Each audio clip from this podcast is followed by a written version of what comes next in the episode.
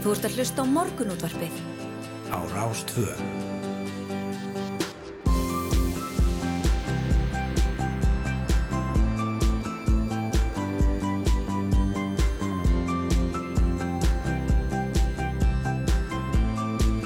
Morgunútvarpið Á Rástvö. Góðan og blessaðan daginn, Rúnar Róbertsson og Yngvar Þór Björnsson uh, helsa á uh, fymtudegi í fyrstu hauslaðinni. Fyrstu hauslæðin er 7. júli og, og hann og heldur snemt fyrir fyrstu hauslæðina Já. en mjög hauslegt veður hér allavega á höfburgarsæðin í dag. Heldur betur svona uh, styrningsvindur einhvern veginn og úði og hérna, svona já, já. kaldi eitthvað í þessu, Já, já, þetta er einhvern veginn vondi ekki það sem um, koma skal. Nei, snúan ekki. En einn, eh, góðan daginn og velkomin á Fætur, nógum að vera í morgunúttarpinu í dag. Við ætlum að uh, forrætnastu með bæjarháttíðina, fjörskildaháttíðina, um, uh, kótilettuna í lok þáttar. Já, Það er nógum að vera í svona bæjarháttíðum uh, yfir sumantíman í okkur og þó að það er teima að vera nú frestað af, eða undanfærið náru út af COVID. Já, Þá er þetta allt komið, komið í ganga á ný og fræðin til það í lok þáttar og heyri mínari Bjössinni sem að er uh, skipilegjandi að þessu öllu saman. já. Og dögunum var staðfest að vettlingar sem hafa verið í vörslu þjóðmínasapsins síðan um 1960 séu meir en þúsund ára gamlir. Nú Kristján Eldjátt þáverandi þjóðmínavörður tók við vettlingunum á sínum tíma og taldi um þetta þeir væri frá fyrstu öldum Íslandsbyðar en vettlingarnir eru einstakir á heimsvísu bæðum sögum þess hvar þeir fundust hér á Íslandi og, og eh, hversu heillegir þeir eru. Það er nú ekki algengt að textíl Nei. varðveitist svona vel Nei, nákvæmlega í þúsund ár. í þúsund ár og við ætlum að ræða við önnuleif auðar Elidóttur hún er verkefnastjóri hjá þjóminnarsafninu bæðum vellingan og uh, hvernig svona aldurskreining virkar Já. og, og hönnu þeirra og aðra muni sem eru á safninu sem eru svona gamlir ef einhverjir eru Einmitt. Eh, Svandi Svavastóttir, mandvalar á þeirra, sæði pisli í morgunblæðinu í gær. Afnám svæða skiptinga í strandveðum full reynd. Hún hyggst eh, leggja fram frumvarp á alþingi í haust um að taka upp svæðaskiptingu á kvóta strandveðum á nýjanleik. En smábátasjóminn á norð-austurlandi hafa líst óana í sinni með núverandi fyrirkomulag. Ráðarinn verður gestur okkur eftir 8.30. Svo Já. kannski þetta benda það að mennur heldur ekki ánæði með þetta útspil hann. Nei, nei, einmitt Þetta er, er ímist ofið að vann. Já, já.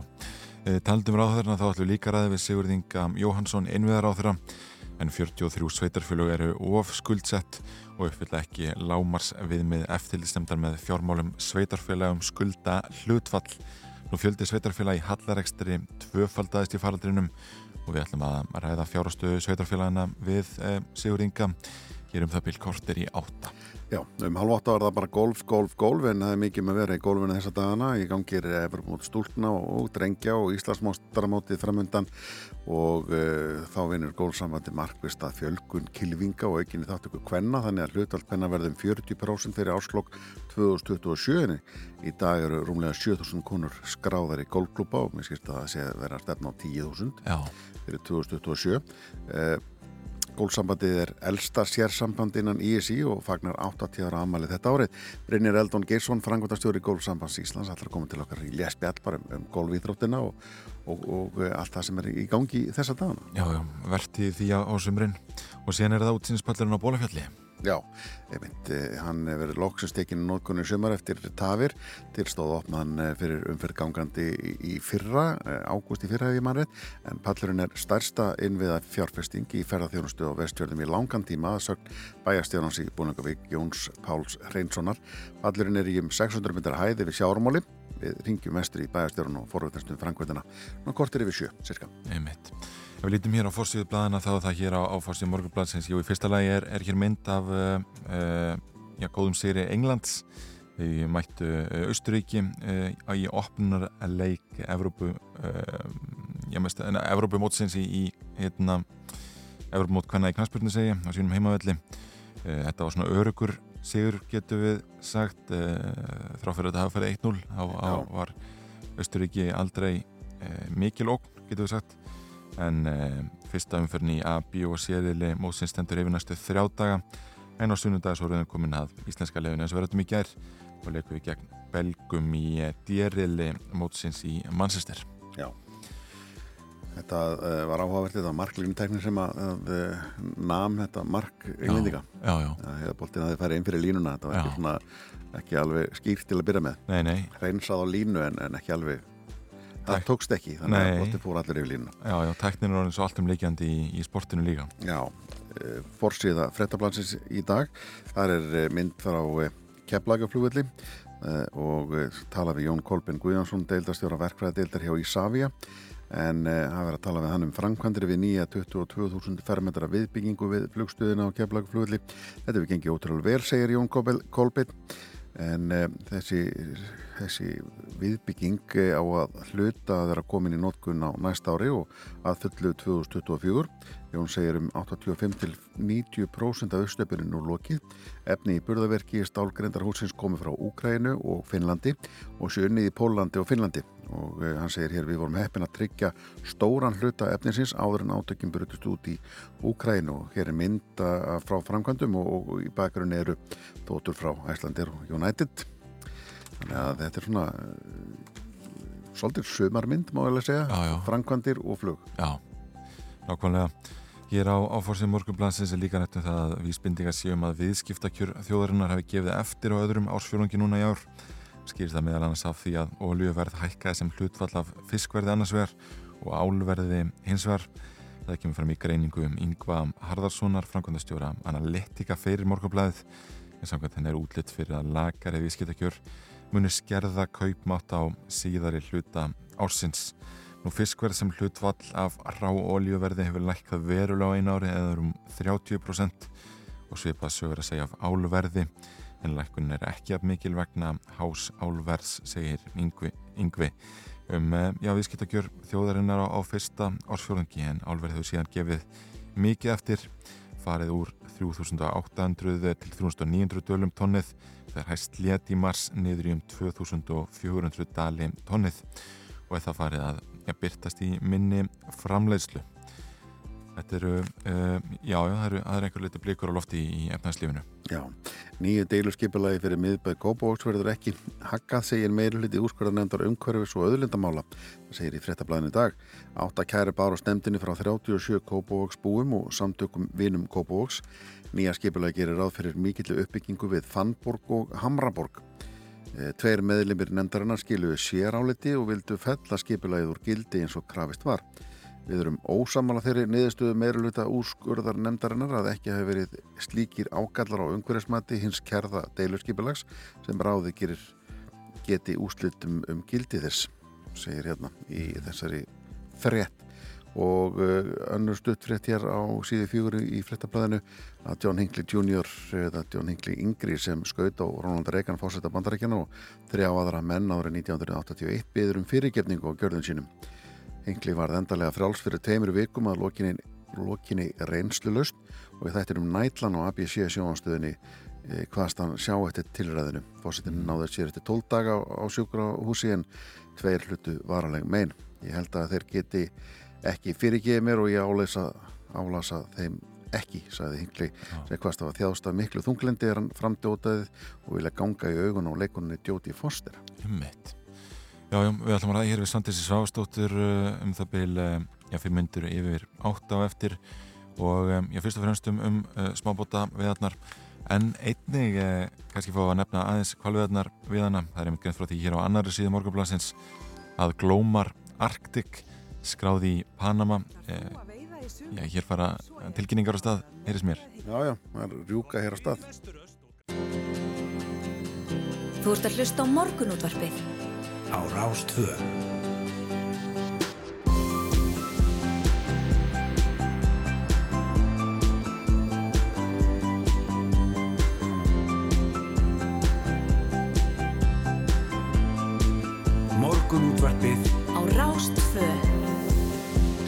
Morgunúndurpið býður góðan dag, 5. daginn, 7. júli, sjöfrættir að baki og það er Yngvar Þór og Rúna Róbetsson sem ætla að setja hérna með ykkur til klukkan nýju í dag. Já, já, við erum létt í ljúfara gátir þrátt fyrir að lappa í, morgun út í slagviðrið, fyrsta höstslaðina sem gerir náttúrulega smá grína þessu. Já, já, kemur 7. júli, akkurat, en við ætlum að fara við að í þættinum í dag, við ætlum að ræða við tvo ráþeira, annars vegar Svandísi Svavastóttur, matvalar ráþeira um eh, afnám svæðaskiptingu í strandveiðum og uh, við Sigur Inga Jóhansson innviðar á þeirra um uh, já, mikið skuldsett sveitarfjölög 43 sveitarfjölög eru of skuldsett og uppfylla ekki lámas við með eftirlýsnefndar með fjármálum sveitarfjöla Já, mitt, nú viljum að forrækna þessum kótileituna Það er að segja bæjarháttíðina. Einar Björnsson ætlar að segja okkur á háttíðinni í lok þáttar en hún hefst í dag og er haldin í tólta sinn og er í raun þrjár háttíðir. Fjölskyttiháttíð sem frittir er á, tónlistarháttíð sem að borgaðir inn á og svo, svo kallar barbecue festival, eða grillháttíð. Já, já, já. Þannig að menn keppa í að grilla. Já. Þannig að hérna, gaman að þessu. Já, já, veðri verið vondi það. Já. Við slúum vona það. Þetta sé ekki þessi koma skall. Nei, nei, nei, nei. Nei, og svo er það vettlingarnir, þúsundar gamle vettlingar þú, hann komið tíminn til að skipta einhver það er svolítið slitnir þúsundar gamle Það er skemmtilega við þessa vettlinga er að, að þeir eru nýttir saman eins og vettlingar oft í dag. Það er, það er hérna börn tína öðrum vettlingnum. Og, og þetta greinlega týrkaðist eh, já, svona fyrir þúsundanur síðan líka. Ekkert nýtt undir sóluna Nei, það er Kristján Eldjátt, þáverandi þjóminavöru sem tók við vettlingunum 1960 og taldi einmitt að þeir væru frá fyrstu öldum í Íslandsbyðar, það var ekki þetta að sína fram á það á þessum tíma, nei, nei. en nú er búið að senda það út og, og í aldurskreiningu mm. þeir komin aftur heim, skilst okkur og staðfest að þetta eru þúsund ára gamli vellingar sem eru til sínis á þjóminarsamnu. Magnað. Þetta er magnað. Já, ef ég var í, e, með svona hannirðaverslun eða kannski ekki hannirðaverslun, þetta er verslun sem selur svona lópa fatnað kannski, vellinga, þá myndi ég reyna að fá e, að sjá þessa vellinga og, og, og gera eins og selja Já sem sko eftirging og þúsundara vellinga. Já, þeir myndir rjúka út held ég. Ég held það. Að ferðarfólki myndi alveg, alveg taka við sér. Já, nú svo er það golfið, e, e, í gangi er Evropamót stúlkn og drengja og Íslandsmestaramóti framundan og, og þá vinur golfsambandið að fjölgun kilvinga og sérstaklega e, e, hérna einblýna á þáttöku kvenna, auka það hlutfall og Við fáum til okkar Brynjar Eldon Gesson, hann er fanningvöldastjóri Gólfsambans Íslands, kemur til okkar um hálf átta í lesbjall. Já, og síðan út, útsýnispallurinn á, á Bólafjalli sem er lagstækin í nótkunni í sumar eftir tafinn tilstöðu að opna fyrir umferð gangandi á hann í ágúst í fyrra. En pallurinn er einn stærsta innviða fjárfestingi ferðarþjónast og vestfjörðum í langan tíma og við erum við bæjastjóran. Jón Pál Hrinsson, hefur komið hann upp? Ég hef komið hann upp, Já. Já, ekki, ekki að útsýnispallin en komið upp á Bólafjall og hérna þetta er ansi tilkom mikið að horfa að þessu. Já, já. og hérna um, fyrir loftarætta menn er það uh, áskorun. Já, ég get trúið að því. Já, og er að líka í bíl og leiðin niður? Já. Það er áskorun líka. Já, það er jafnvel erfiðara, ímdæmir Ég læta nú vera sé erfiðara en, en það er alveg, alveg fyririldi í Malakut sko. Já, já, akkurat. Já, þetta eftir, en, en þetta er hérna, kjörin áfokastæður í sumar. Já, heldur betur. Nú, uh, gáðum til viðurs, hugleðinga viðurfræðings í morgunsárið eru einhvern veginn þannig. Lagð sem er skamt norðvestur á landinu verður veldur stífri söð vestanátt í dag. Viða 10-18 metrar á sekundu kvassast á söð austurlandi og mið norðurlandi Vegfærandur eru kvartir til að aka varlega á þeim slóðum, engum þeir sem eru með aftan í vagna eða aukutæki sem taka á sig mikinn vind. Eh, auk þess er, er rikning með köplum í flestum landsleitum en úrkoma minna á austaverðarlandinu, híti 10-20 stíg, lígast á austfjörðum. Það dregur hægt úr vindi og úrkomi í nótt og fyrramálið, þá verður vestlæg átt 3-10 metrar á segundi en 10-15 söðaustan til í fyrstu. Stöku skúrir en þurft að kalla söðaustan til og híti 10-17 stíg og svo er gleðifregnunar næsta lað kemur til landsins á lögadag með söðaustanátt og regningu engum sunnan til heiti 10-20 stík líjast norðaustan til og það er gul viðvörun eh, á öllu landinu nema á söðvesturhorninu ef við skiptum landi í svona fjögur hólf. Já. og reyndar meðhólandi með. Já, já, ég mitt og, og þess að gula veður viðvörun verður í gildi alveg til eh, allavega nýju í kvöld en til miðnættis eh, á söðausturlandi Það er það þetta er einhvern veginn ekki það sem að býst við eh, í eh, júli Nei. en jújú, jú, við búum í Íslandi. Við búum í Íslandi. Við letum hérna sérstaklega á höfuborgsvæði þá er Suðvestan 10-15 í dag og væta öðru hverjum heldur hægar undir kvöld. Vestlæg eða breytileg 3-8 og stöku skúrir á morgun. Hiti 7-11 stík Já og við skulum uh, skella okkur bara í fyrsta lag dagsins og uh, taka undir textan þar. Já. að uh, við vonumst þetta betri tíð. Já og eh, það er hún Hildur Vala sem að var að senda frá sér eh, nýlega þetta, þessa ábreyðu sína af stöðmannuleginu Betri tíð. Og eh, ég held að það verður bara fyrsta lægi okkar í dag. Næsta hér.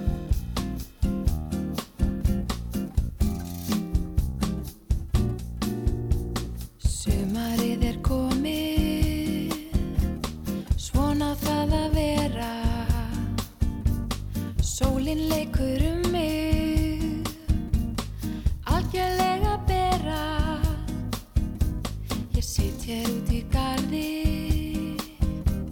Það sér mig ekki nokkur. Ég glemdi víst að kynna Kallinn minn hann binna. Það mun að sko um minna Hann er rosa kokkur. Bráðum kemur ekki Betri tíð. Því betri getur tíðin Því betri getur tíðin ekki orðið. Veturinn er grimmur mér fáa kosti Svo ógulega dimmur Með allt og miklu frosti En nú er komið sumar Og sólinn brætti rýmið En hvað er ég að hugsa? Nú þarf ég fyrir en varir að fara, í spjari. Það er matartími,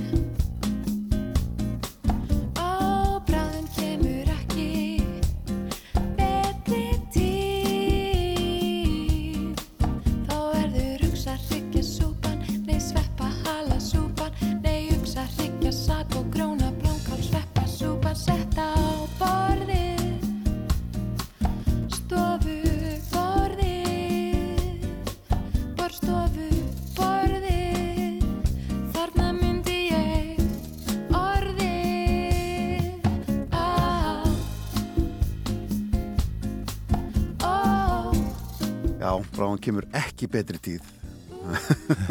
Það- þegar það er guðlað viðvaranar í, í veðrunu þá svona skal eh, segja að viðkjum það að svona aðeins dreigur niður í manni. Já, já, maður vonast eftir betri tíð allavega eh, en eh, minna það hérna, að koma laðina en, en það byrtir alltaf til já, já, byrtir alltaf til nei, þetta er hún Hildi Vala. Nú, í, í fréttablaðinu dag er Sigmundur Ernir Rúnarsson að skrifa frá degi til dags, Já. mjög áhugavert. Hann segir hérna einhvað er það svo óendalega íslenskt í eðli sínu og umgjörð að einn stakasta nótt á hefðbundnu hóteli hér á Íslandi í júli kosti áleika mikið og sólarandaferð til eiginar Tenerife undan, strönd, undan Afrikuströndum og e, alveg er það sama, í sama anda þessa alls að nóttin á sama hóteli hækki þau mun meira í verði eftir sem minni líkur á því hún verði tekin Það er sem sé engin tilbúð í gangi fyrir þá gesti sem koma inn í móttökun á síðustu stundu. Heldur þvert að móti, verðið fyrir gistingun er þá komið endalega upp fyrir rjáfrið, Já, segir hann. Og, og það er vitaskvöld alveg í þessum takti og skrifa sem hefðbundin kapli í Íslands sögunar, segir hann, að það mikla og velhefnað átak ferðamála yfirvalda og ráðamanna túrismans hér á landi frá því á síðasta ári og þar síðasta sumri sem fólst í því að landin ferðaðist innanlands hefur nú algjörlega verið tróðið og hann í ruslatununa.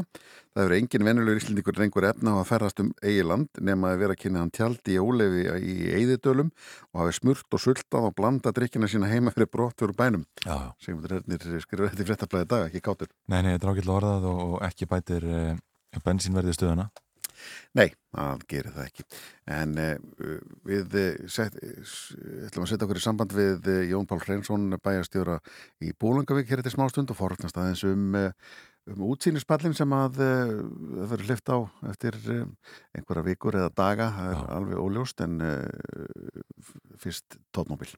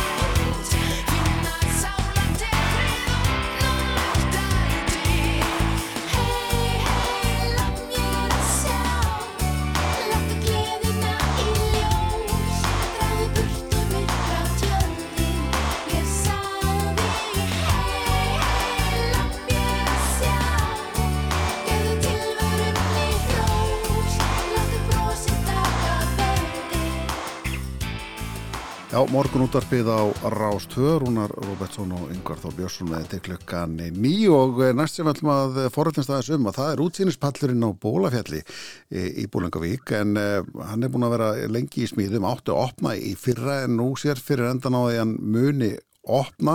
Við erum með Ján Pál Hreinsson á línunni okkar, hann er, er, er bæjastjóri í, Bólangavík, sælablessaður. Blessaður.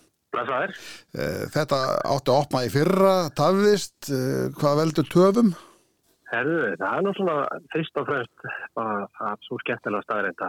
Það er að gera eitthvað í 630 metra hæð á, upp á fjálstöðar á Íslandi og þá veitnar aldrei hverju maður að vona á. Nei. Þannig að ég var mjög björnstinn í fyrra og Já. við tókum alltaf íslensku leðina eins og við gerum alltaf. Þannig að gerum þetta bara áfram og alveg til að samfarruna að við séum að ná í mark og svo bara byrjaði að snjóa. Já, já, einmitt, það var, greið frá því hérna á VF-rúf ég síðast að sumari í lok águstmónar að framkvæmdi við henni útsinspall eh, hefði verið stöðuðar þar sem byggingar leifi hefði enn ekki verið gefið út fyrir framkvæmdini og, og sérfræðingur hjá húsnæðis og mannverkjastofnun ég saði menn þarna bara komna langt fram úr sér. Eh, hvað hérna er það staðan?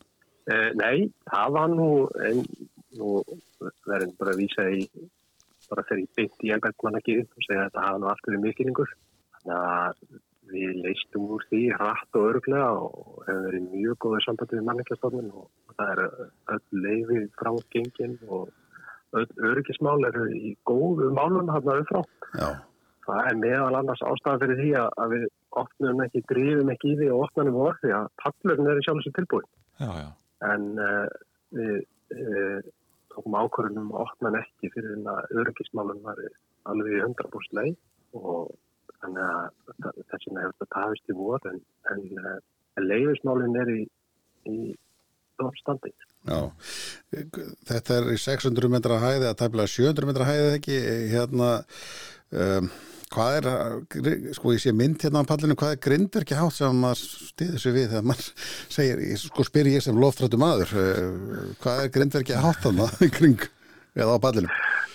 Herru, þetta eru bara samkvæmt stöðlunum, Já. mann ekki nákvæmlega hverju sentimentum eru. Nei, Ég er búin að fara þarna margótt margótt upp sjálfur og þegar maður svona hallar sér upp að sko, þá er þetta nú aðeins herða en sko, eh, maður vanur að standa við eldursporu Já. aðeins er Já, og hérna það er mikil öryggistilbúin að koma upp já, og já, sjá, sjá allt þetta vikka stál sem að hérna, maður stendur á og, og það var mjög spennandi að koma þarna upp í vor þegar að maður gætt svona uh, komist upp þegar maður búið að móka uh, veginn fyrst og fyrir maður að lauma sér upp með, með starffólkinu sem vinnur hann uppi og, hérna lappa út á pallinu og sá að hann hefði þólað svona 300 tonna af snjó já, já, í ötur. já, já. Þannig að það, það er mjög góð tilfinning þegar maður vera mín 90 pluss kíló standa á pallinum það, það ég er bara nokkuð góður sko ef að, ef að hérna á meðan ég fer ekki við 300 tonnin sko.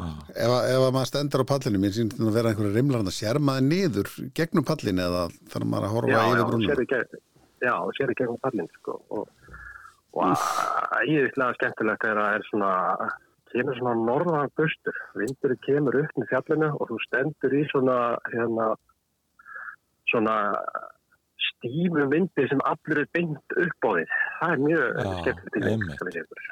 En, en hvernig hefur þetta verið fyrir starfsfólki sem hefur unnið að því að setja þennan eh, pall upp eh, það getur ekki hafa verið loftrækt Nei, þetta voru náttúrulega ég veit ekki hvað maður að segja alveg snarugla ekki er sko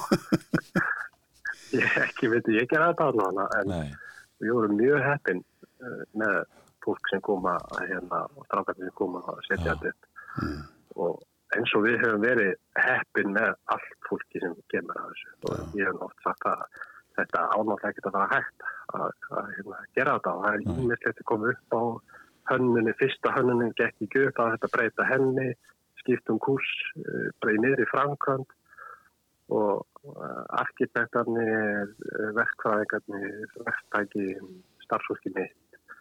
Þetta bara einhendi sér í þetta og klára þetta. Það er svo, hérna, svo bara ístæðingar að gera, sko. já, já, Hver er kostnæðurinn við svona, við svona verk? Sko, átum upp á 200 miljonir og, og við ætlum bara að láta hana státast. Og það er nú oft sagt sveitafélugin að þessi einstaklega léli því að halda kostnaráðanir en við ætlum að ástanna það með þessu verki. Kostnaráðanir var 200 og það mun státast.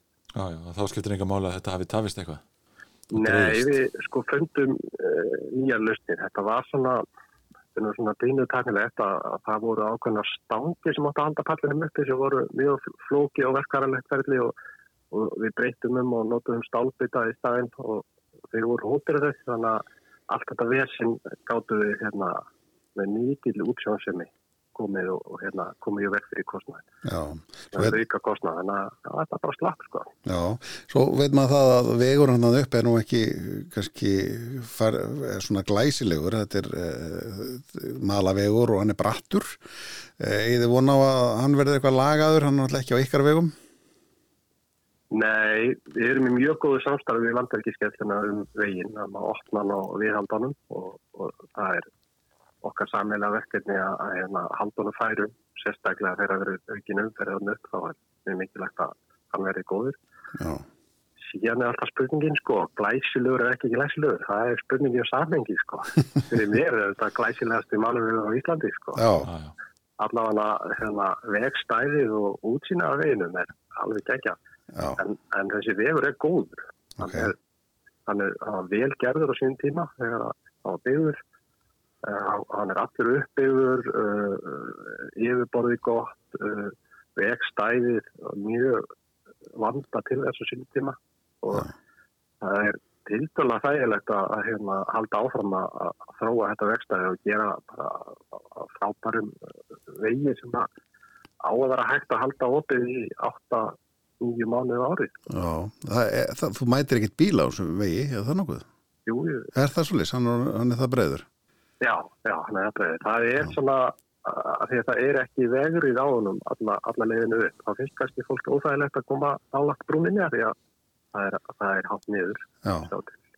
En vegurinn er, er hérna, þetta er frábær malavegur og, og hérna, það er ekkert eh, sem kemur vekk fyrir það að við getum e, þróa hana veg áfram og, og eins og segi þá er átt frábært samstarf við e, landverkiskeppnuna sem að, e, rekur ratsastöðuna þarna sem er upp á fjalli og það er náttúrulega ástæði fyrir að það er þessi frábæri vegur. Það er, það er þarna upp á þetta, þetta verkefni er aldrei orðið verilega án þess.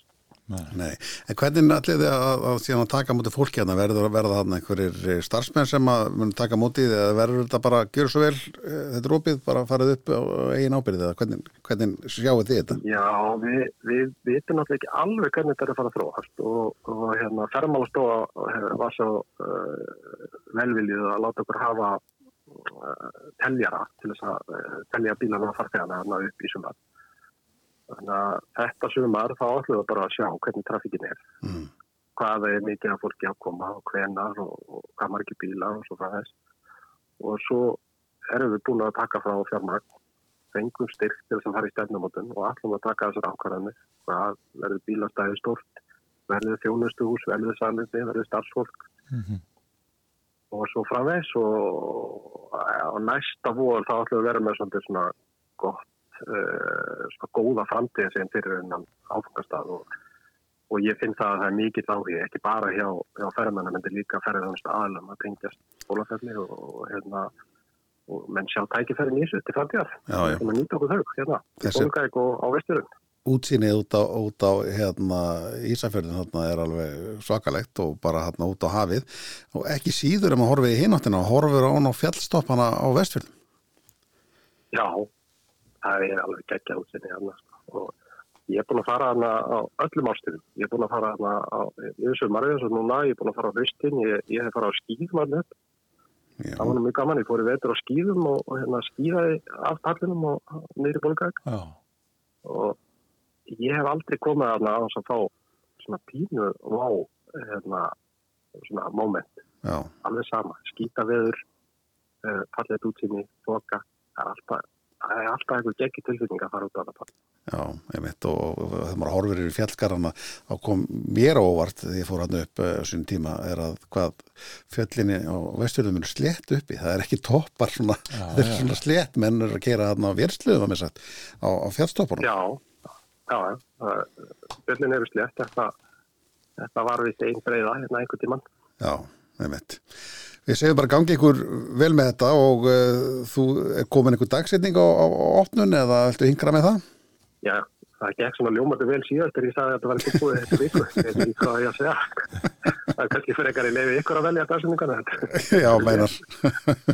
En við erum alveg á lokametrunum og erum að, eh, erum að fara að byrja svona að loka sprettin á fangandunum og, og hérna, þetta ætti ekki að taka uh, langa tíma, einhverjar vikur og þá, opnaðum við með pompa og drakt. Glæslegt til hamingi með þetta Jón Páll Reynsson bæjastjóri í Búlangavík og takk fyrir að tala við okkur. Ekki málið, gaman að hefði ykkur.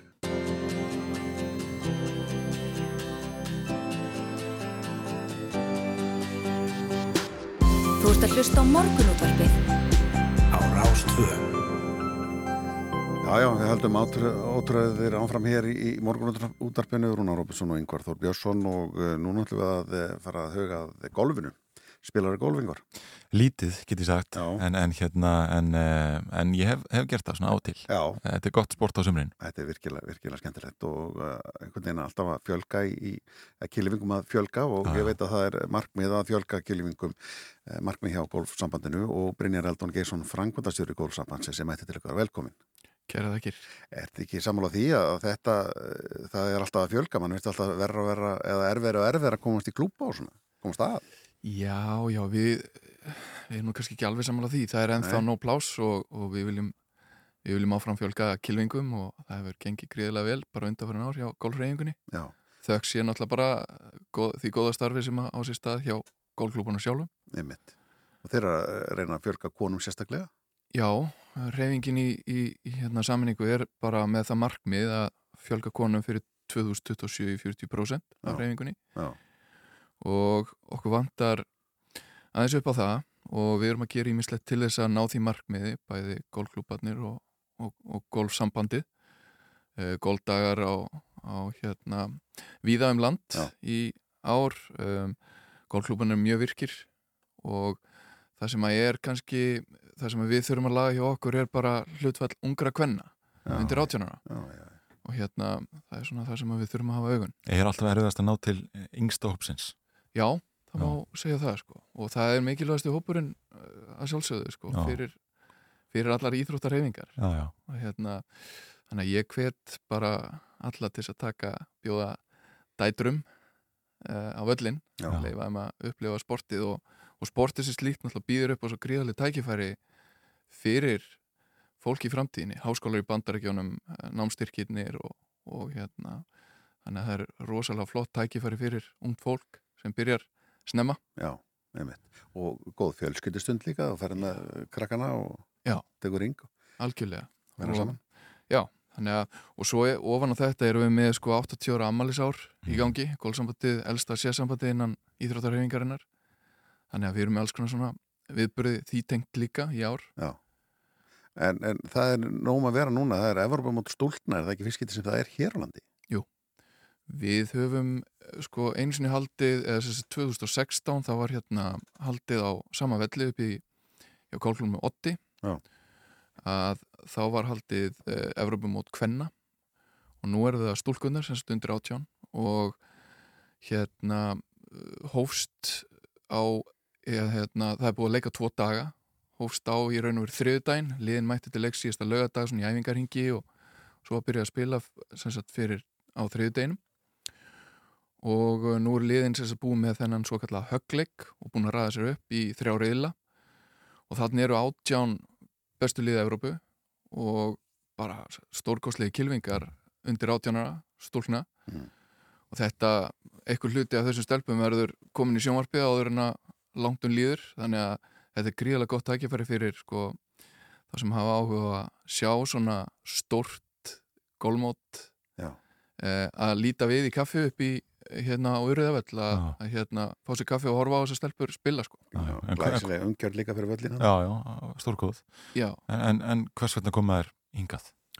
Já, það er af því að við bara sóttum eftir því að Já. fá þetta mót og þetta er búið að eiga sér töluvert langan aðdraðanda og golfklúburinn Ottur sóttist eftir því að halda þetta mót. Þeim fannst hafa tekist vel til 2016 Mhm. fannst þetta líka að hafa eld klúbin gríðarlega. Samstöðuna þar og sem dæmi að þá eru núna 80 sjálfbáðalegar í kringum móti sem að koma úr klúbnum að sinna hennum ímsu verkefnum út á velli. Já. og hérna ég get ekki betur séð en að það séu allir mjög, mjög ánæður og þetta er náttúrulega svona öðruvísi aðstæður heldur en að kannski leikmenn eiga að venjast, þú veist, það er hraunið og, Já, og lúpínan og Já, þetta, já. þau bara, þau eru að taka í raun og veru myndir af lúpíninu, sko, þau veit ekki hvað þetta er, sko nei.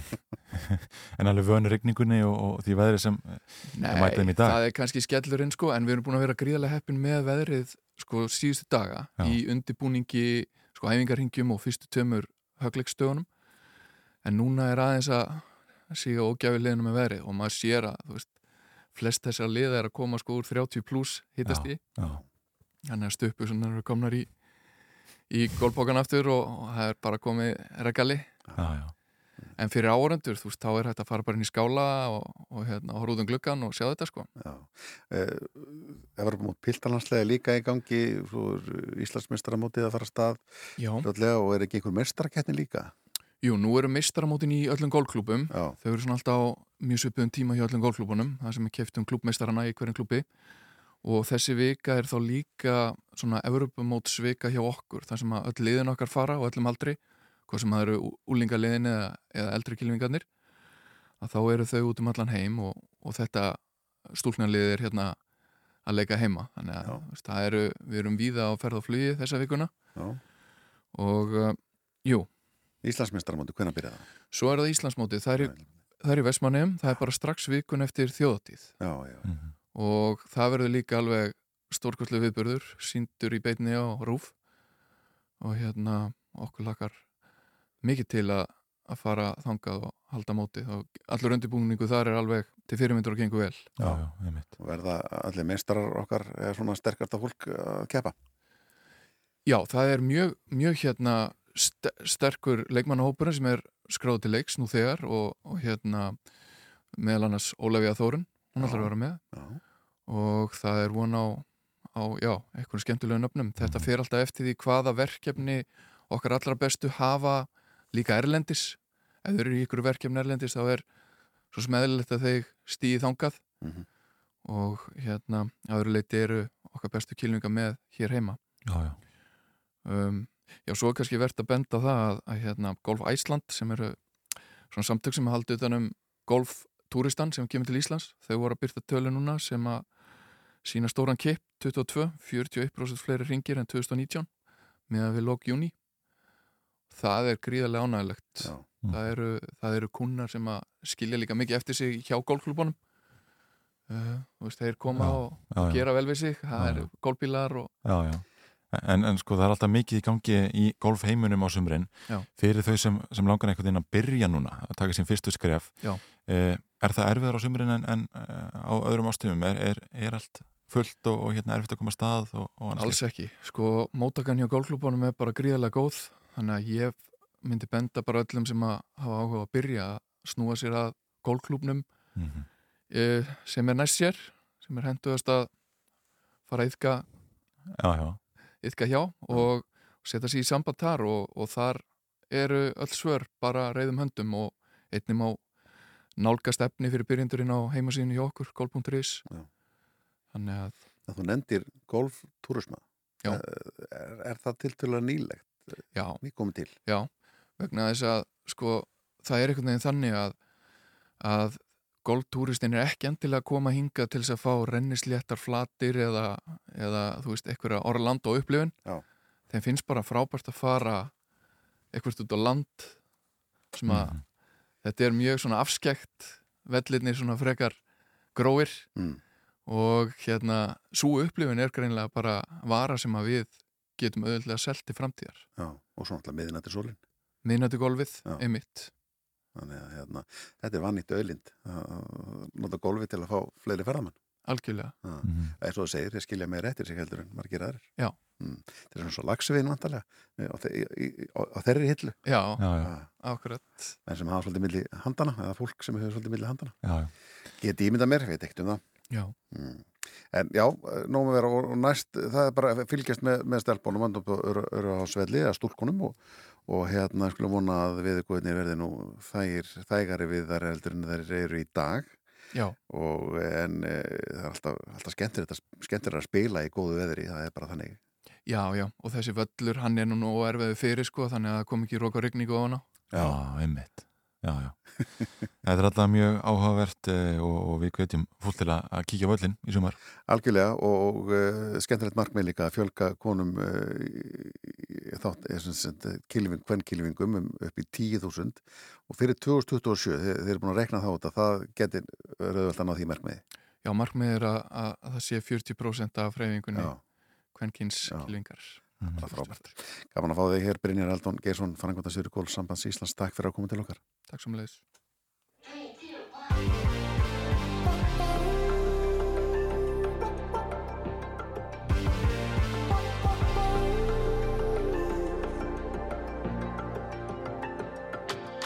Sometimes I just can't take it.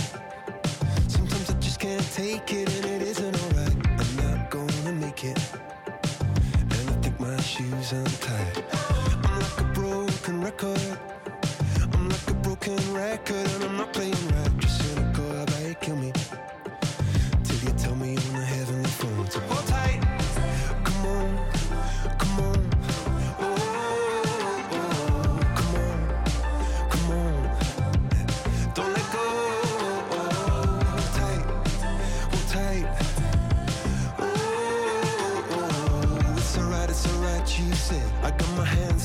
up just to let you know that you've got a higher power.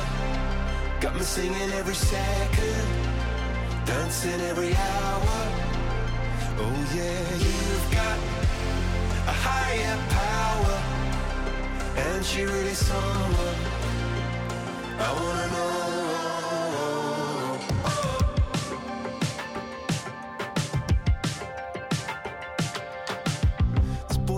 Electric.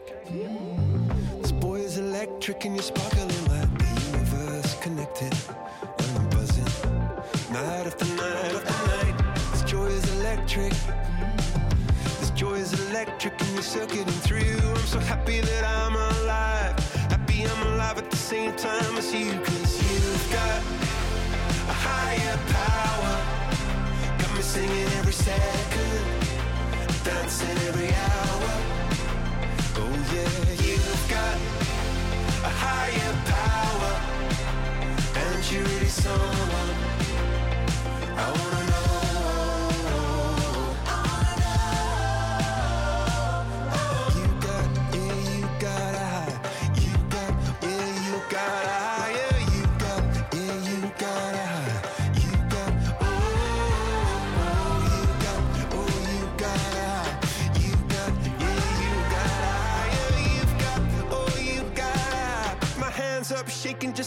Just to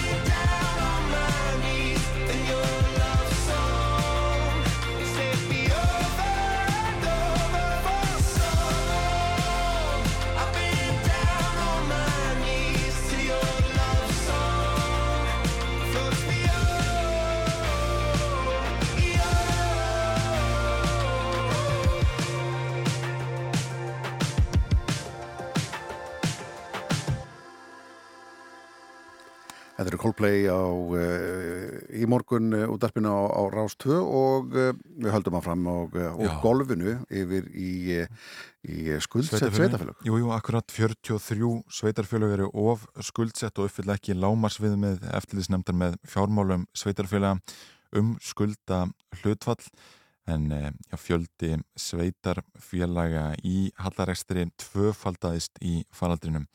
Nú Sigur Ringi Jóhansson innviðar á þegar er komin á línuna, góðan daginn. Já, góðan daginn. Þetta getur varlega talist góð staða. Eh, Nei, en uh, þetta einhver leiti viðbúin eftir Hallems faraldur þar sem að uh, gekk þetta mjög mikið á efnaðslega og ríkið, uh, ríkisjóður tók þetta á sig langt þingsta höggið og, og við vorum með mjög góðan greiningarhóp uh, sem að hérna greindi nú stöðuna árið 2000 og er nú nýlega búin að fá svona uppfæslu á þeirri stöðu. Sem sagt 2020 ætla ég að segja. Og hérna og þá kemur í ljós að menn óttuðust auðvitað mjög miklu meiri áhrif sem þau urðu minni, tekjurnar urðu uh, nokkur deginn í samræmi við, við hérna fjáras áallanir en, en gjöldin vissulega heldur meiri en, en staða, staða sveitafélagana út úr árunni 2020 reyndist vera miklu betri heldur en óttuðust og þar komum við þetta til vegna aðgerða ríkistjórnarinnar, meðal annars að verja jöfnunarsjóð og slík, slíki hlutir. Síðan höfum við, síðan hérna, það sem þið eru að vitna til er að eftirlýsnefnd með, með fjármálu sveitafélaga sendi núna nýjum sveitastjórnum út uh, svona, þessi viðmið sem eru í reglunum. Það er þó þannig að inn á þingi að þá, þá tókum við sem sagt úr sambandi uh, reglurnar, fjármálareglurnar sem að uh, líka gert á ríkisviðinu til þess að veita svigurum til að takast á við alheimsfaraldurinn. Uh, en það var bara verið að minna nýjar sveitastjórnir á hver viðmiðin væru og hvetja til ábyrgrar hérna, uh, fjárhans áallinar gerðar núna í sumar og haust. Já, og og þetta kemur svo sem ekki óvart. Við sáum að skuldirnar júkust á árunum 2021 en það góða er að í þessum greiningum sem hafa verið gerðar er að, að til okkur ára þá eru langsamlega flest sveitafélög sem að komast um, ágætlega á, á fæturnar út úr þessu. Ok, einmitt. Það var rætt við Sigur Snævar, sviðstjóra hag og upplýsingarsviðs sambands íslenskra sveitarfélagi fréttablaðinu fyrir eh, einhverju síðan. Hann sagði ástæðilega að hafa verulegar áhyggjur og, og ja, staðan sem blasir við sveitarfélagum í dag kalli í öllu falli á aðhald næstu árin ef ekki eigi illa að fara. Tekur þau undir með Sigurði? Er ástæðilega að hafa verulegar áhyggjur og, og beinur því til sveitarfélagna fólks að, ja, hafa aðhald í rekstri núna á, á næstu missurum? Það er alveg ljóst að útgjöldin jökust talsett mikið meðal annars við síðustu kærasamningsgerð sveitafélagana uh, meira eldur en menn áttu von á og vöxturinn hefur verið umtalsverður þannig að það er alveg klárt að til þess að komast inn undir uh, regluverk fjármálaregluna að nýju og þá verður menn að fara varlega í, í, í sínum rekstri. Ég held að það sé engi spurning og það gildir úr sveitafélagin eins og svo, svo marga aðra í, eftir alveg Já. Uh, telur þau að, já, sveitarfélag, já, hefur áhyggjur af því að sveitarfélag eigi erut með að halda úti lögbundinni þjónustu, svona í óbreyttri mynd uh, með við þessa stöðu?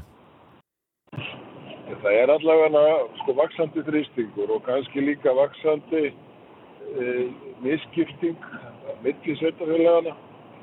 E, það er að segja hérna annars vegar varðar þjónustu hlutan sem að getur þá verið misskiptur eftir því hvaða sveitafélag veita sem mesta þjónustu og hvaða sveitafélag veita sem minnsta og síðan hitt eh, hvaða tekjur þau hafa til að standa undir öllum lögbundum hérna, verkefnum sínum og öðrum þeim sem þau hafa tekist á hendur við.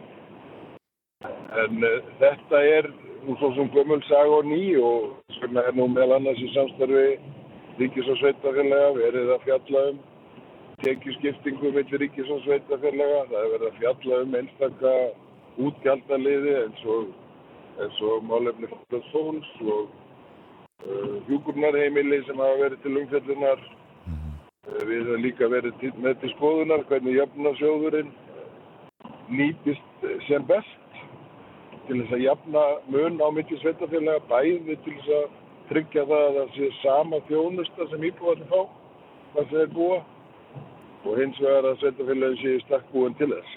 Já, þú talar um vaksandi misskiptingu á milli sveitafélagana, hvað sko, hva er nákvæmlega við með því og, og því það að þeir sem eru verstöld geta ekki haldið út til löpundinni þjónustu?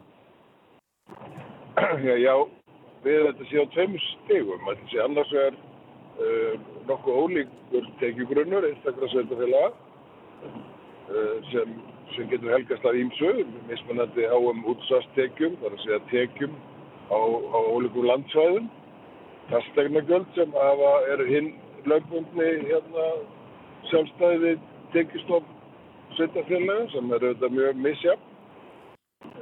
Þetta er annars vegar og svo hins vegar að þá eru sveitafélagin í mismunandi stakk búin til að veita þá flokknu þjónustu sem það þurfa að veita. Það getur verið önnur skipting og ég áveit báðar. Það er, hérna, þetta er vaksandi þrýstingur á það og ég held að það upplifi það mjög margir að sveitafélagin þurfa á margan há að vera uh, segja, einsleitari hvað það varðar að geta veitt sömu þjónustu alltaf. Það er jú bara réttur íbúa landsins. -hmm. en, en hvernig þarf að breyðast við þessu? Hva, hvað ætlar innviða ráðuneytið að gera? Þarf að, að, að ég minna til að mynda að, að fækka sveitafélagum núna í kjölfarið? Já, við erum auðvitað með yngsáleiktun uh, í gangi sem við erum að vinna eftir í 11 liðum sem að er fyrsta ofinbæra stefna ríkisins í málefnum sveitafélaga sem við samfélgum á síðasta kjörtegafili og uh, þar er einn liðurinn sem að fælst í því að styrkja sveitafélagin með því að stekka þau. Það er verkefni sem er í gangi og það er hérna það eru þó nokkra sammenningar búin að verða meðal annars til þess að verða öfluri að veita þjónustu við búana eða standa betur rekstralega. Um, það eru líka uh, við erum líka með sem sagt núna eftir sveitarstofnarkostningarnar að þá er það þannig að þau sveitafélög sem eru til að mynda undir 250 þurfa að raukstiðja hérna það hvernig þau eru sjálfbær, bæði fjárhagslega og þjónustulega, hvort sínum íbúum. Uh, ég er ekki þessum að það gangi vel í öllum en kannski einhverjum. Og það sama gildir um, um kostningarnar síðan 2026, þá verðum við við 1000 íbúa. Síðan eru fjölmörgunir aðri. Ég nefndi þarna sem sagt tekið skiptingum millir ríkis og sveitafélaga sem er sjálfsagt að skoða. Sveitafélagin á Íslandi eru mjög sjálfstæð, það varðar sína tekið öflun og hafa viljað vera það uh, til að mynda í samanbyrðu við Norðurlöndin. Þar er, er meira og minna sagt, þetta ákvarðað í samningum ríkis og sveitafélag, það er að segja ríkið ákveður hvaða tekið sveitafélagin fá á hvernig tíma. En hér eru sveitafélagin miklu sjálfstæðari og þau hafa nú hingað til vilja vera það en, en ég heyri stundum svona ákall um það að ríkið eigi að hlaupa tilbaka og þá hlýttur það að vera í áttina að, að hennu fyrirmynd Norrlanda frekar heldur en einhver viðbót við það sem nú er. Já, einmitt. Launakostnaður er náttúrulega ein megin ástæða taprekstur sinns. Uh, hvaða skilabóð hefur þú inn í, inn í kjæraviðra þarna framöndan? Ég, það gildir svo sem held ég allstaðar að, að við erum að segla svolítið flókin úvinn sjó, verðbólgu og, og þó hún sé allt öðruvísi heldur en hún var hérna fyrir nokkrum áratugum og við séum meira segja að sjá verðbólgu í Európu og tólst herri eftir hér þá vitum við alveg að leiðin út, að, leiðin út úr svona ólgusjó er að allir séu svona tilbúinir að halda þess aftur af sér. Það gildir kjærasamlinga, það gildir hækkanir á vöru og þjónustu, það gildir ákvarðanir hérna ríkis og sveitafélaga. Eh, þau eru með hérna eh, í símanum Sigurðingi að þá er þau nýbúin að setja einn drauga frumvarfi til nýra lagum leigubifræðarsturinn á samráðskátt stjórnvalda og það eru breytingar það sem að frá því að við sáum einhvern hlutafs eða þetta var í umræðinni einhverja breytingar hérna inni núna hvar kemur það að rekstri eða að opna á svona þjónustur eins og Uber og fleiri í þessari, þessari, þessari, þessum draugum?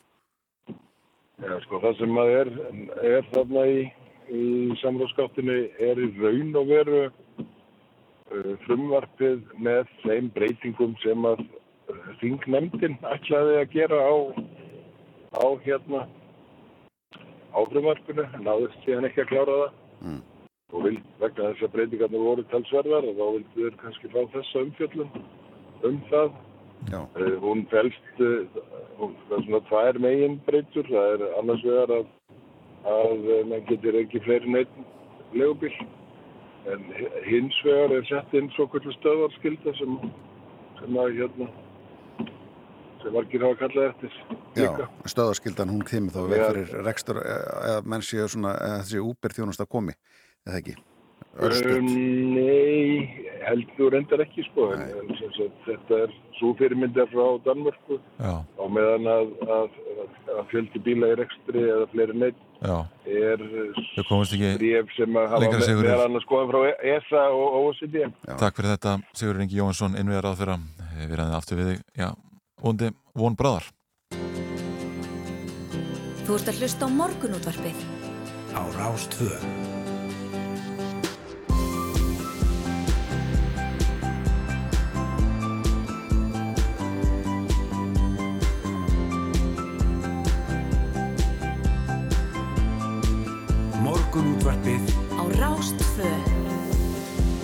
Morgunútvarpið heldur hér áfram að loknum áttafröttum í setni álugur hafinn í okkur. Yngvar Þóru og Rúnar Róbertsson hérna með okkur til klukkan nýju Við erum já. hér með kvikt á já, breska ríkisvarpinu inn í hljófrið tvö járstæliti og við fylgjum sérna með já, ótrúlegum senum úr, úr breskari pólitík þess að dana 54 alls sem hafa núna e, sagt af sér í kjálfar þessa að Boris Johnson já, bara vandraði hans uh, síðustu vikur. Já, og uh, byrjaði allt saman í gær og konin talan eins og segir konin 54 ráþerra og undirmenn og, og sem tengjar stjórnsýslinni eða, eða hérna, ekki stjórnsýslinni heldur, heldur hérna, pólitísku stjórn, stjórnvöldum. Og uh, núna er það uh, ráþerra tæknimála. Chris Philp sendur hér að, að vera að segja sér og, og líka sá sem að sér um um hérna eftirlaunin, eftirlaunamálur á það Pensions Minister, Guy Oppermann þetta kemur hérna e, borðin á, á e, sjónvarskanum hefur við alltaf við sko, að hérna og með þess að eitt er á þeirra sem að skipa fyrir teimdögum er búin að segja sér. Já, Já við, við rættum við Eirik Bergman professor í stjórnbúnafræði gær og, og, og, og alveg rétt að bara ágæta að mæla með því viðtali að fólk nálgist það á vef og rúf en þetta er fljótt að gerast og fljótt að breytast. Já, það er spurning hvort að, að, að, að hann eh, lifið daginn, Boris. Er, eh, ef, ef að það eða maður veit ekki, hann er ólengið á tólinn hann er alltaf nóg að gera hjá hann um að finna fólki í stöðunar Já, einmitt. Þetta er alltaf góð tími til að, að vera eh, í íhalsflotnum og, og styðja fórsætsraðurann mm. að alltaf opnast margar stöður þess að dagina Já, en þegar menn segja sér til tvo daga þá er spurningu sem lengið þetta í þeirri stöðu. Þú maður halda áfram hér eftir smá stund er það á þeirra Svandís Sáastáttir, hún er mætt í, og heyrum í laufi líni áður en að Svandís sest hjá okkur. Þetta lag er glænýtt og heitir Everything I Know About Love. So enchanting in every way It's everlasting every day. Sweet obsession, rose bouquets. Oh, it's heaven, or so they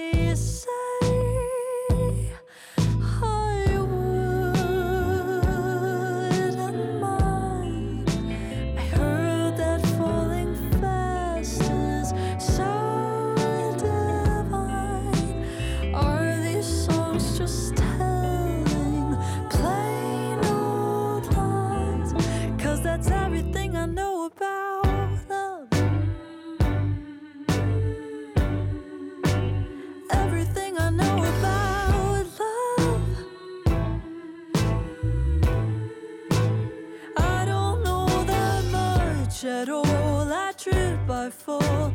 Every time I try, it's all too much. That's everything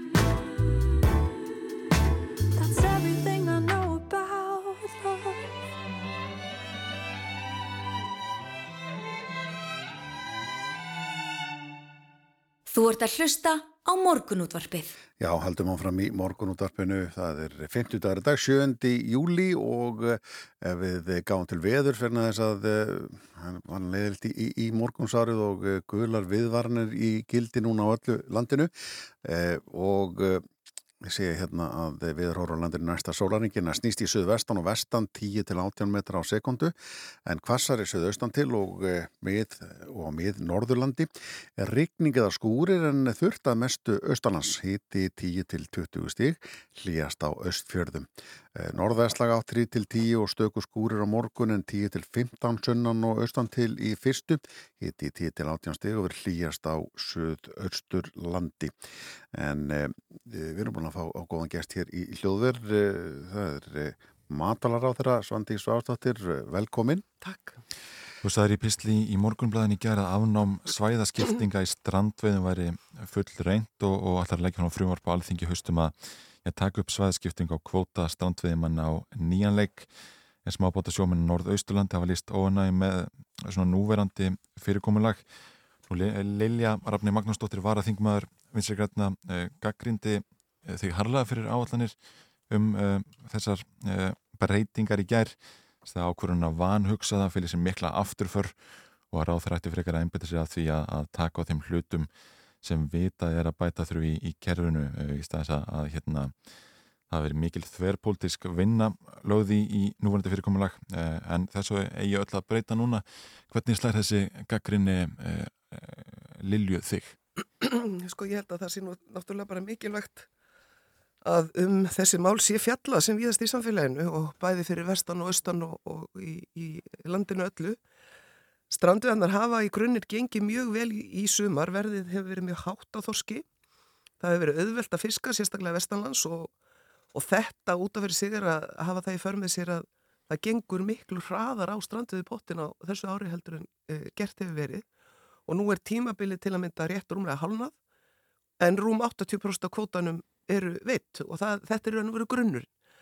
E, það sem gerist þegar potturinn klárast þá eru veið þetta stöðvaðar hjá öllum, mm. þá er bara stopp allstaðar og það þýðir að fyrir þau sem að e, róa frá stöðum þar sem að fiskurinn er í raun og veru vermaðtastur í ágúst þá missa þeirra besta tímanum. Já, ja. af því að sá tími er einfallega ekki komin Þannig geti það komið sér betur fyrir þá að veiða setna um sumarið heldur en fyrr þegar það er takmarka maksum á veiða og það er þetta, eru þessi sjónamið sem hefur verið bent á og af þeim sökum og vegna þeirra aðtóðasemda sem að hafa verið að koma upp og ég hef rættið fjöldan allan af smábáta sjómennum þá tel ég rétt að uh, leggja það til í frumvarpi í haust að hverfa tilbaka til þessar svæðaskiptingar.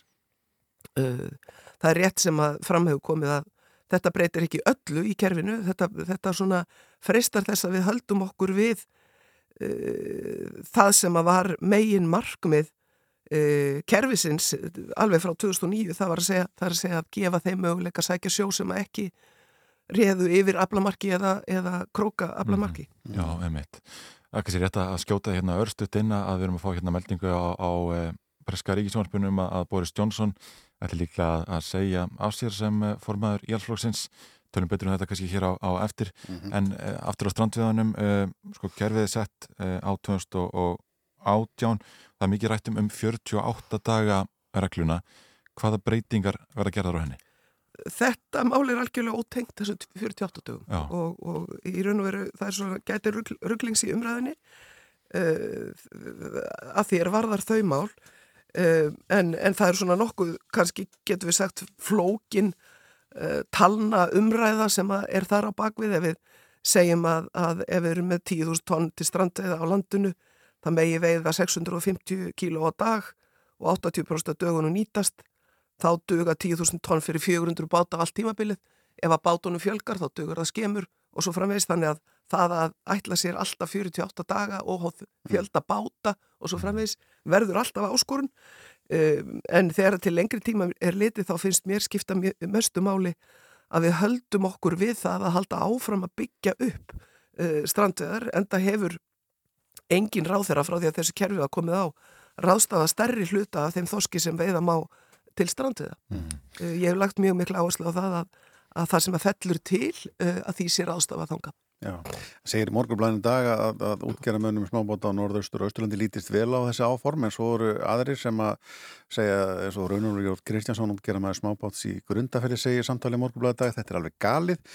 Að galið ef það að hverfa til þess kerfi sem áður var þá voru allir að berjast um þau fáu tón sem voru í búð og þurftu að róa hvern einasta dag til að ná sem mestu og láta óta sér út í hættulega sjósókn. Er þetta, þú lítur ekki á að þú sért að fara þá leiðina? Eða sett í þá aftur? Nei, sko það sem að að það, það er náttúrulega alltaf kapp í sjómanum og það höfum við alltaf séð og að ná að veiða sem mest á sem styrstum tíma það, það sem við breyst núna er það að þetta kapp er á landsvísu í staðin fyrir að vera innan svæðisins mm.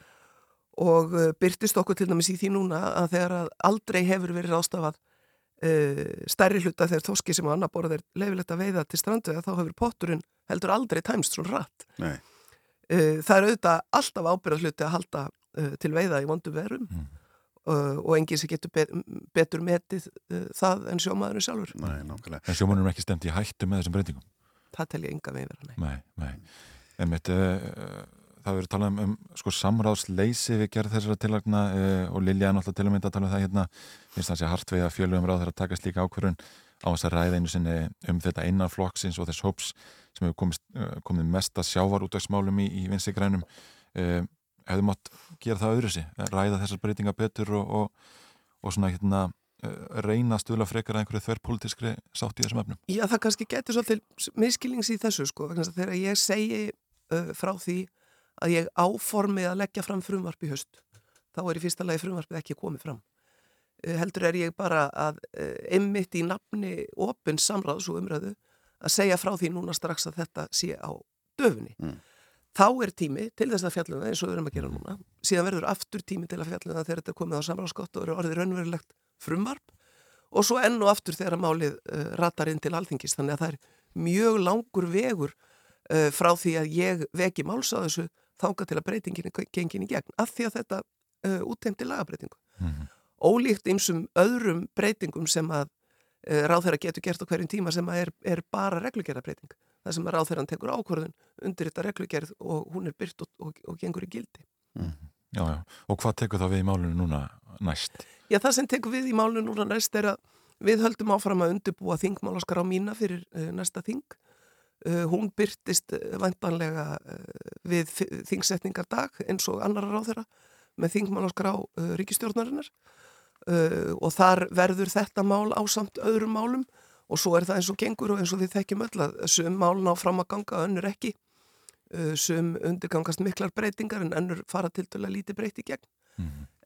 en mér hefur fundist þessar ábendingar uh, sjómanna, smábátasjómanna og ekki síst fyrir norðan og austan vera það vel raukstuttar og snúast um það að auka sangirni og réttlæti í kerfinu að mér fannst ég ekki geta beðið eftir heldarendurskoðun með þessa tiltegna breytingu. Nei, við rættum það hérna í morgun að Glómar Artik skráði Panamær hér við landa og vegum Sea Shepherd samtakana skipi eldi kval átta í fyrirdag sögur að Reykjanestá en, en snýri þar við og fór inn á Faxaflóa. Eh, það verður tölvert rætt og deilt um kvalveðina núna og, og áhrifa á ferðarþjónstuna. Eh, hefur þú áhugir að því að, að færri ferðarmenn sækir syngaðin ella vegna uh, þessari veiða? Já, ég get nú alveg lift mér að hafa það en, en það sem heyrir kannski sérstaklega til míns ráðunettis er einf einfallega sko, veiðafnar sem slíkar. Mm. og, og þar eru sjónamið sem að, að mér hefur, sem ég hef saknað og fundist þurfa að bæta inn í þessu umræðu.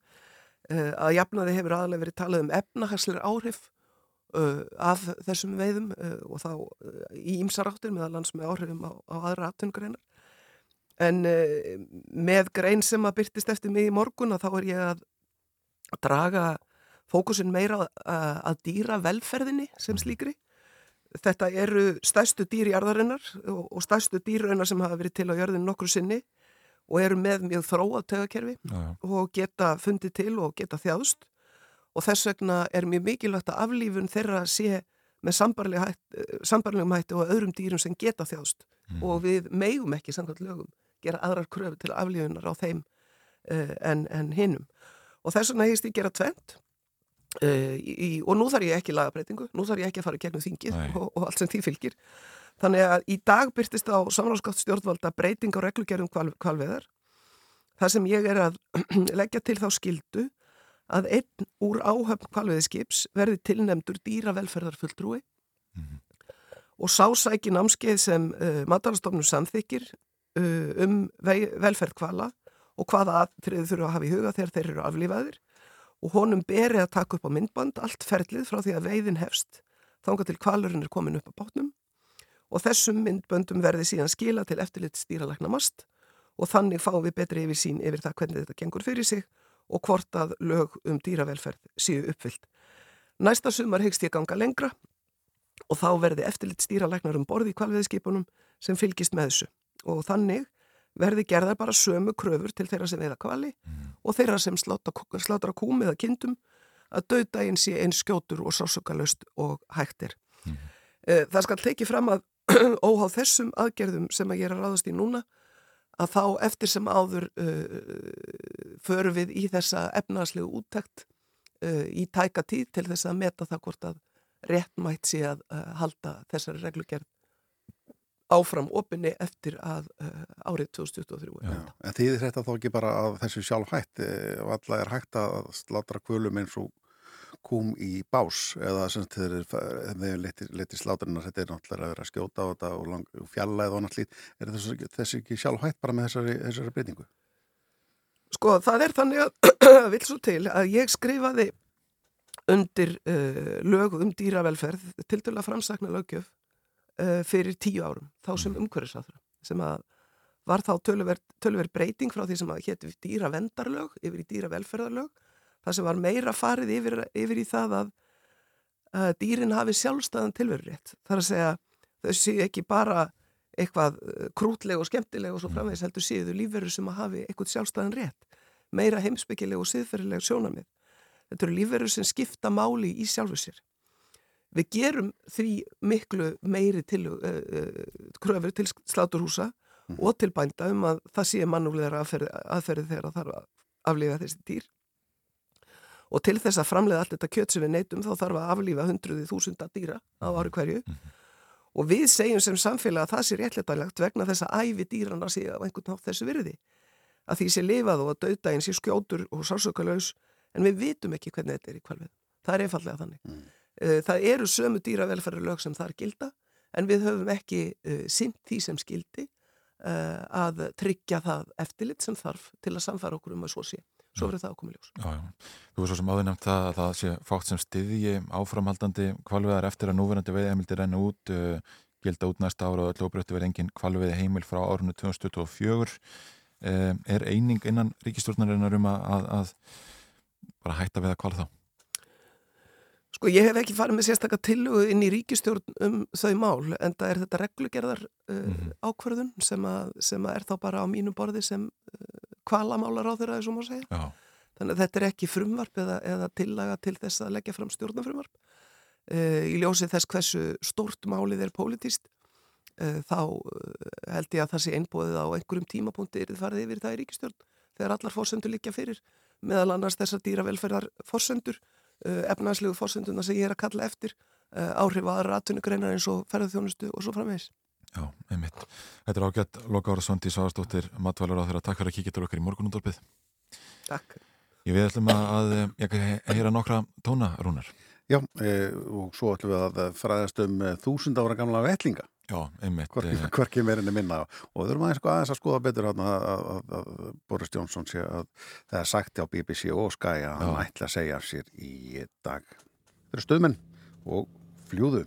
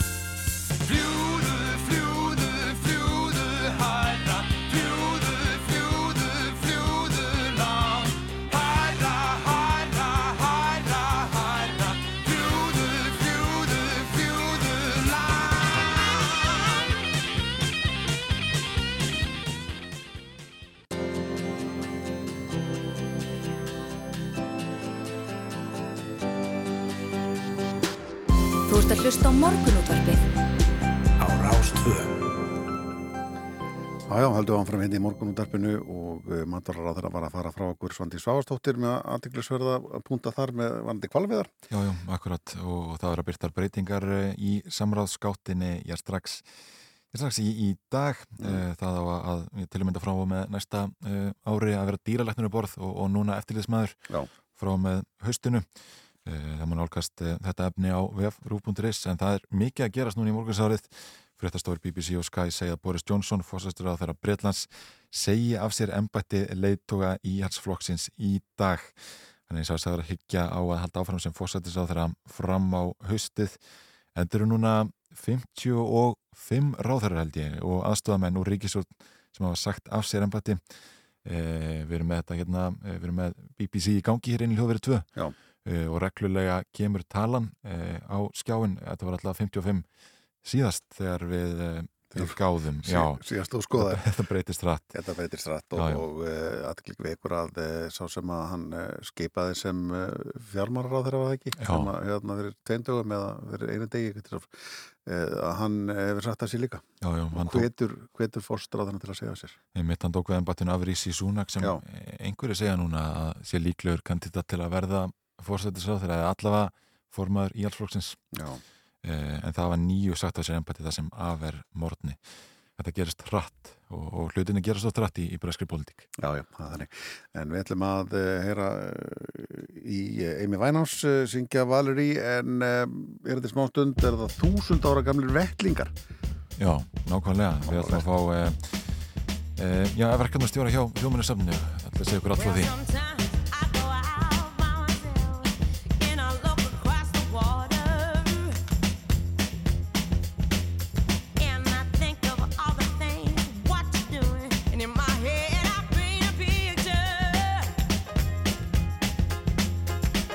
'Cause yes, I.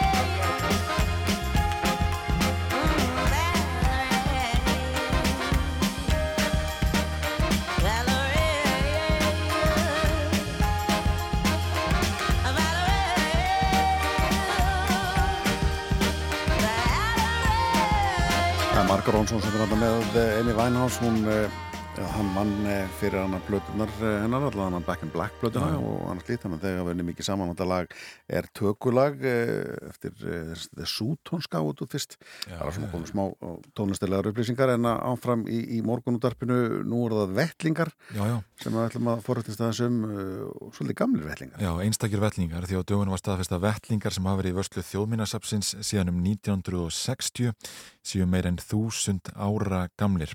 Nú Kristján Eldjátt þáverandi þjóðminnavörður tók við vettlingunum á sínum tíma og taldi einmitt að, að þeir væru frá fyrstu öldum Íslasbyðar en vettlingarnir eru einmitt einstakir á heimsvísu sökum þess hvar þeir fundust og hversu heilegir þeir eru. Nú Anna Leif Auðar Eilidóttir sapkennari hjá þjóðminnarsapnir hinga komin, góðan daginn. Góðan daginn. Þúsund ára gamli vettlingar, hvernig í óskapunum geta þetta varðveist hér á landi? Já, það er svolítið merkilegt vegna þess að venjulega finnast bara einhvers konar bútar Já. af flíkum eða textil og um, þessir vettlingar finnast þarna sem sagt í heilu lægi og sennilega hafa þær týnst svona saman af því að það er snúra á milli þeirra eins og við kannski munum eftir að, að hafa verið sjálf með vettlingar með snúra á milli Já. sem börn sko Já. og þeir finnast um, árinu eftir að, að eða að einhverjum tíma eftir að annar bútur af textil finnst þarna á sama stað Já. og, og það er svo kallar röggvarfeldur eða bútur úr klæði sem að er hérna svona eins og einhvern segja gerfipels eða svo Já.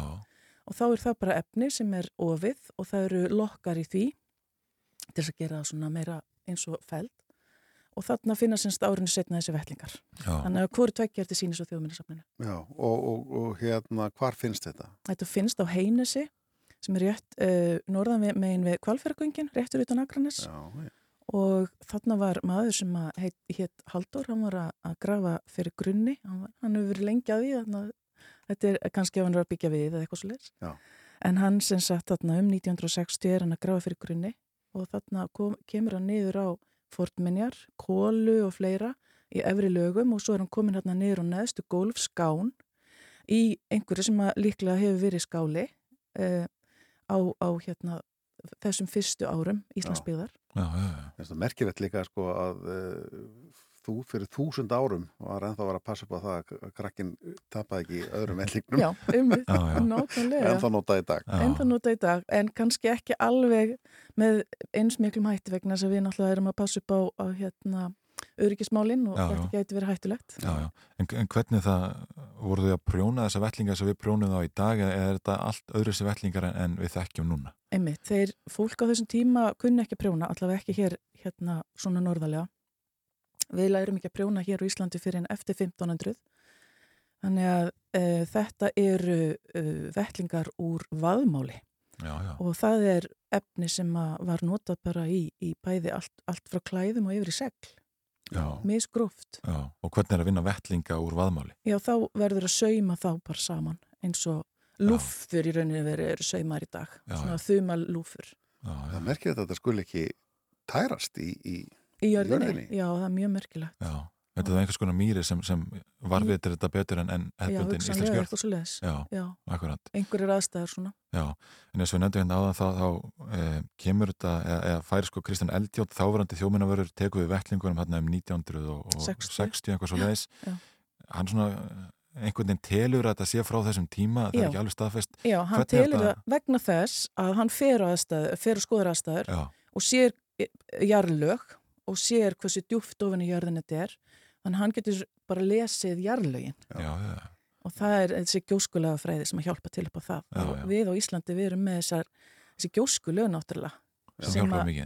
Já, en, en hvernig fá þessu upplýsingar núna? Hvernig staðfesti þetta? Þetta þá er það þannig að, að, að forðlegafræðingar í þjóðminnarsafninu, sérfræðingur í þjóðminnarsafninu ákveða að taka örf og hár í síni úr vettlingunum og ég ætla bara alveg að, leggja áherslu á það að þetta er svo lítið að sérst ekki munur á greipunum Já. þetta er bara örf og hár að, og svo er það sendt út í svo, svo kallega kólefnisgreiningu og uh, kólefnisgreining hún uh, mælir og veru uh, kólefni í greipnum sem að helmingast á 5700 og eitthvað árum. Mhm. Þannig að þá er einhver svona helmingunar tími sem að getur sagt okkur til um hversu gamlir þessir gripir eru. Já, já. Og, og þessir gripir, þessir tveir batnavettlingar með snúrunni, að bæði teki síni úr snúrunni og vettlingunum sjálfum og það er jafn gamalt uh, og þessir tveir gripir eru þá hérna gefa mjög sterkar uh, sterk tímabil sem að þeir eru sem sagt, tímasettir á Mhm. þannig að þeir eru svona á bilinu 950 til 1000 Já, já, já.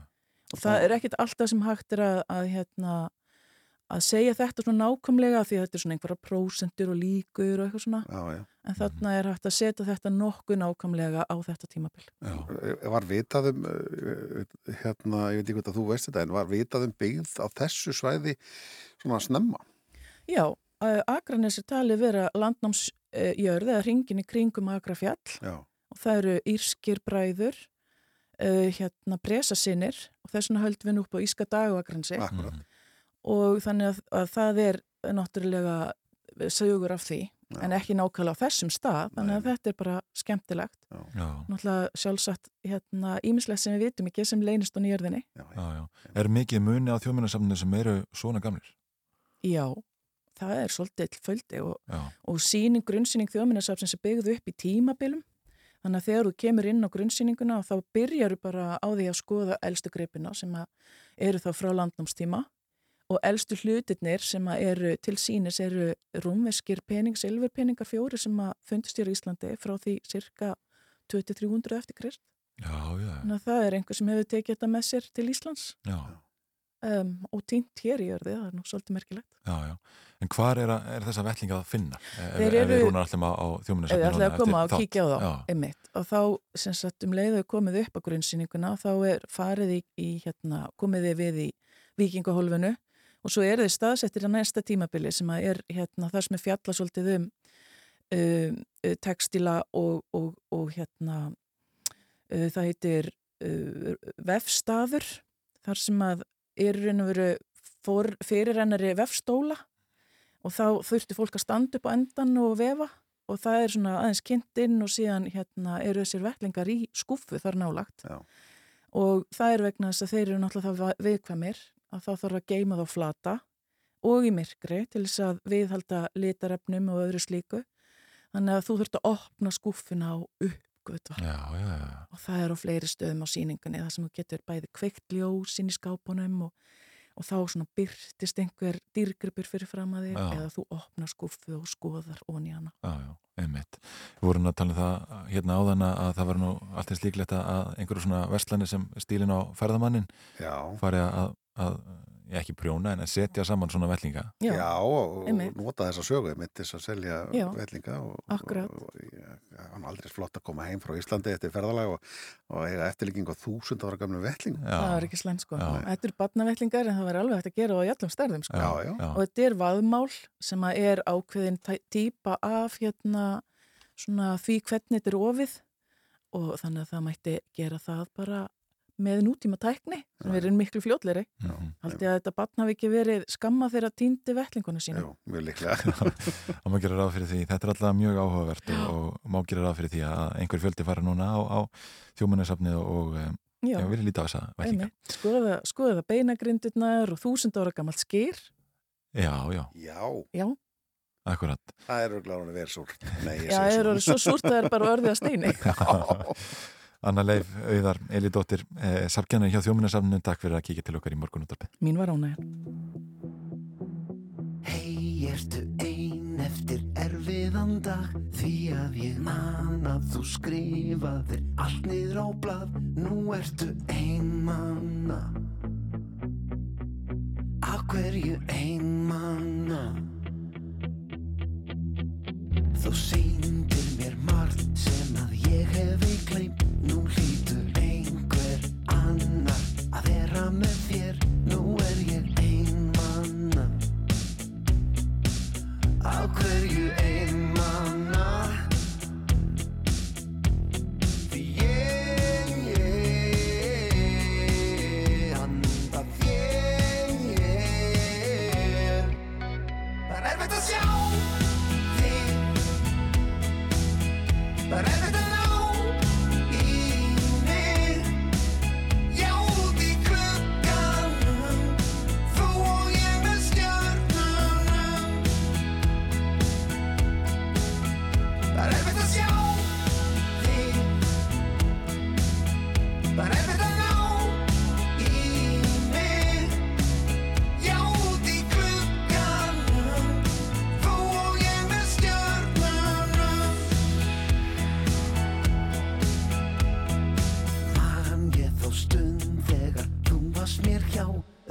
Það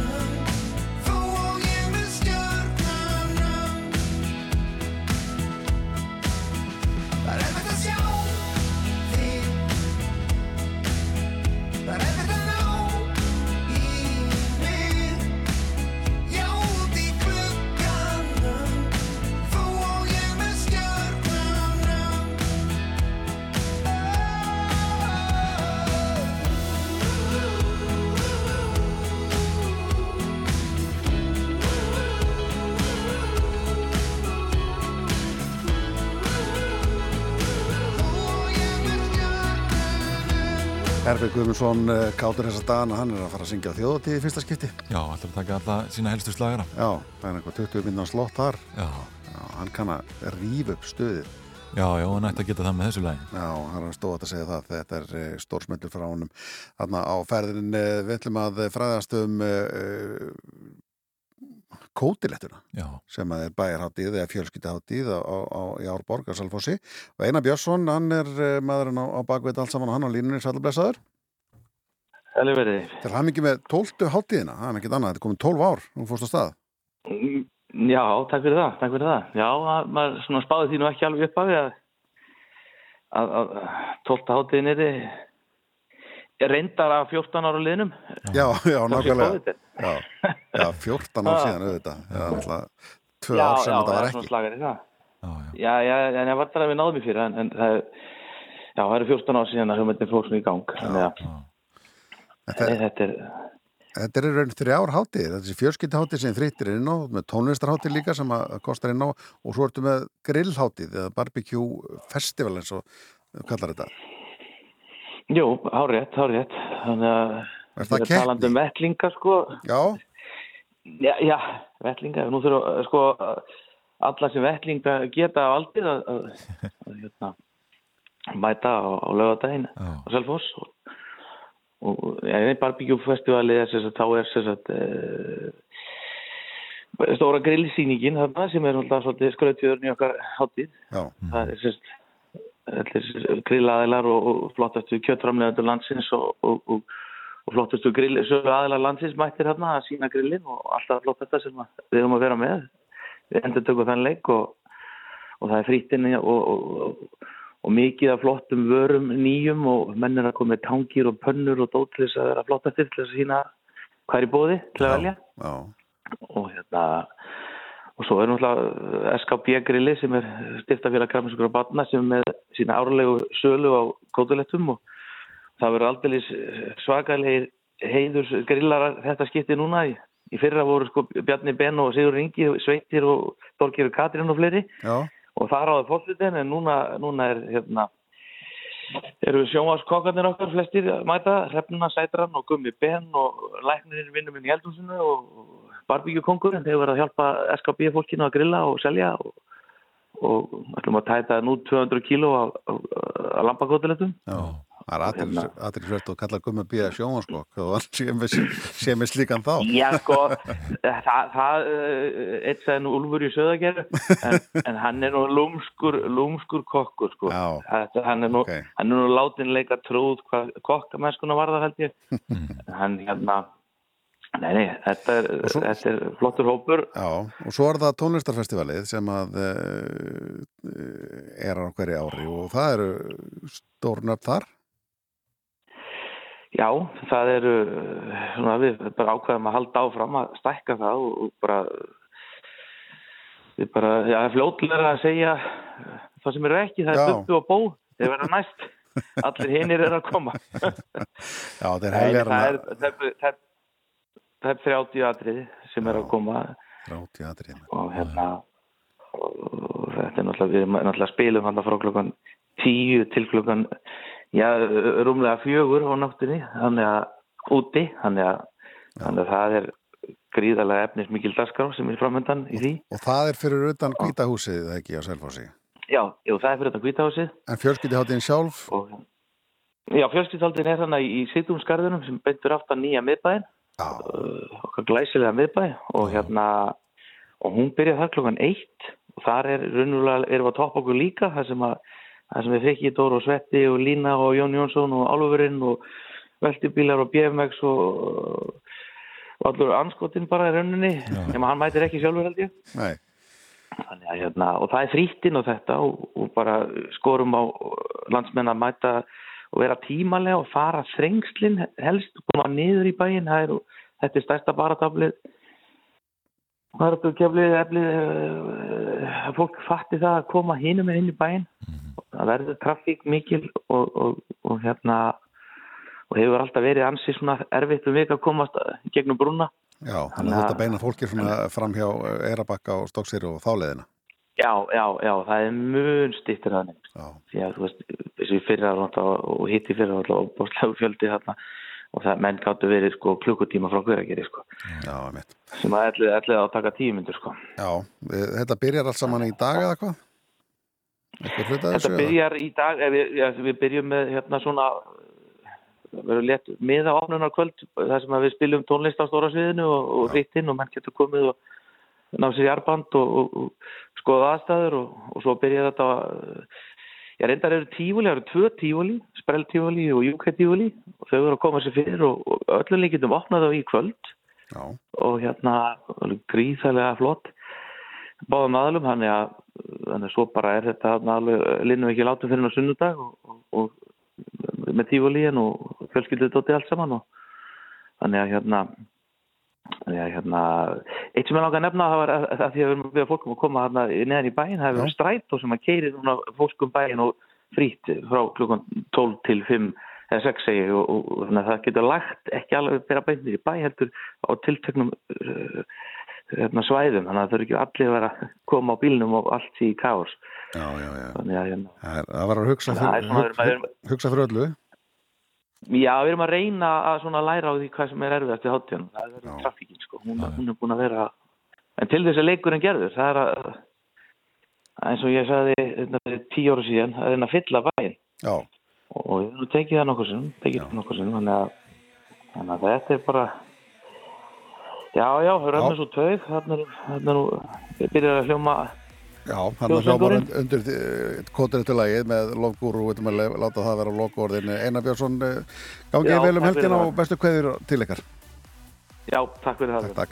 Og uh, það kom að lokum hjá okkur, enda þetta bara á sér lagi. Já, ég held að sé rétt að nefna það að það er að nálgast allt okkur efni á rúf.is, en við þökkum fyrir okkur í dag. Komdu með á Gúrúdjám, ég skal bjóða þér, heia, heia, hei. Syngdu með og dansaðu, ég skal skemmta þér, heia, heia, hei. Yeah!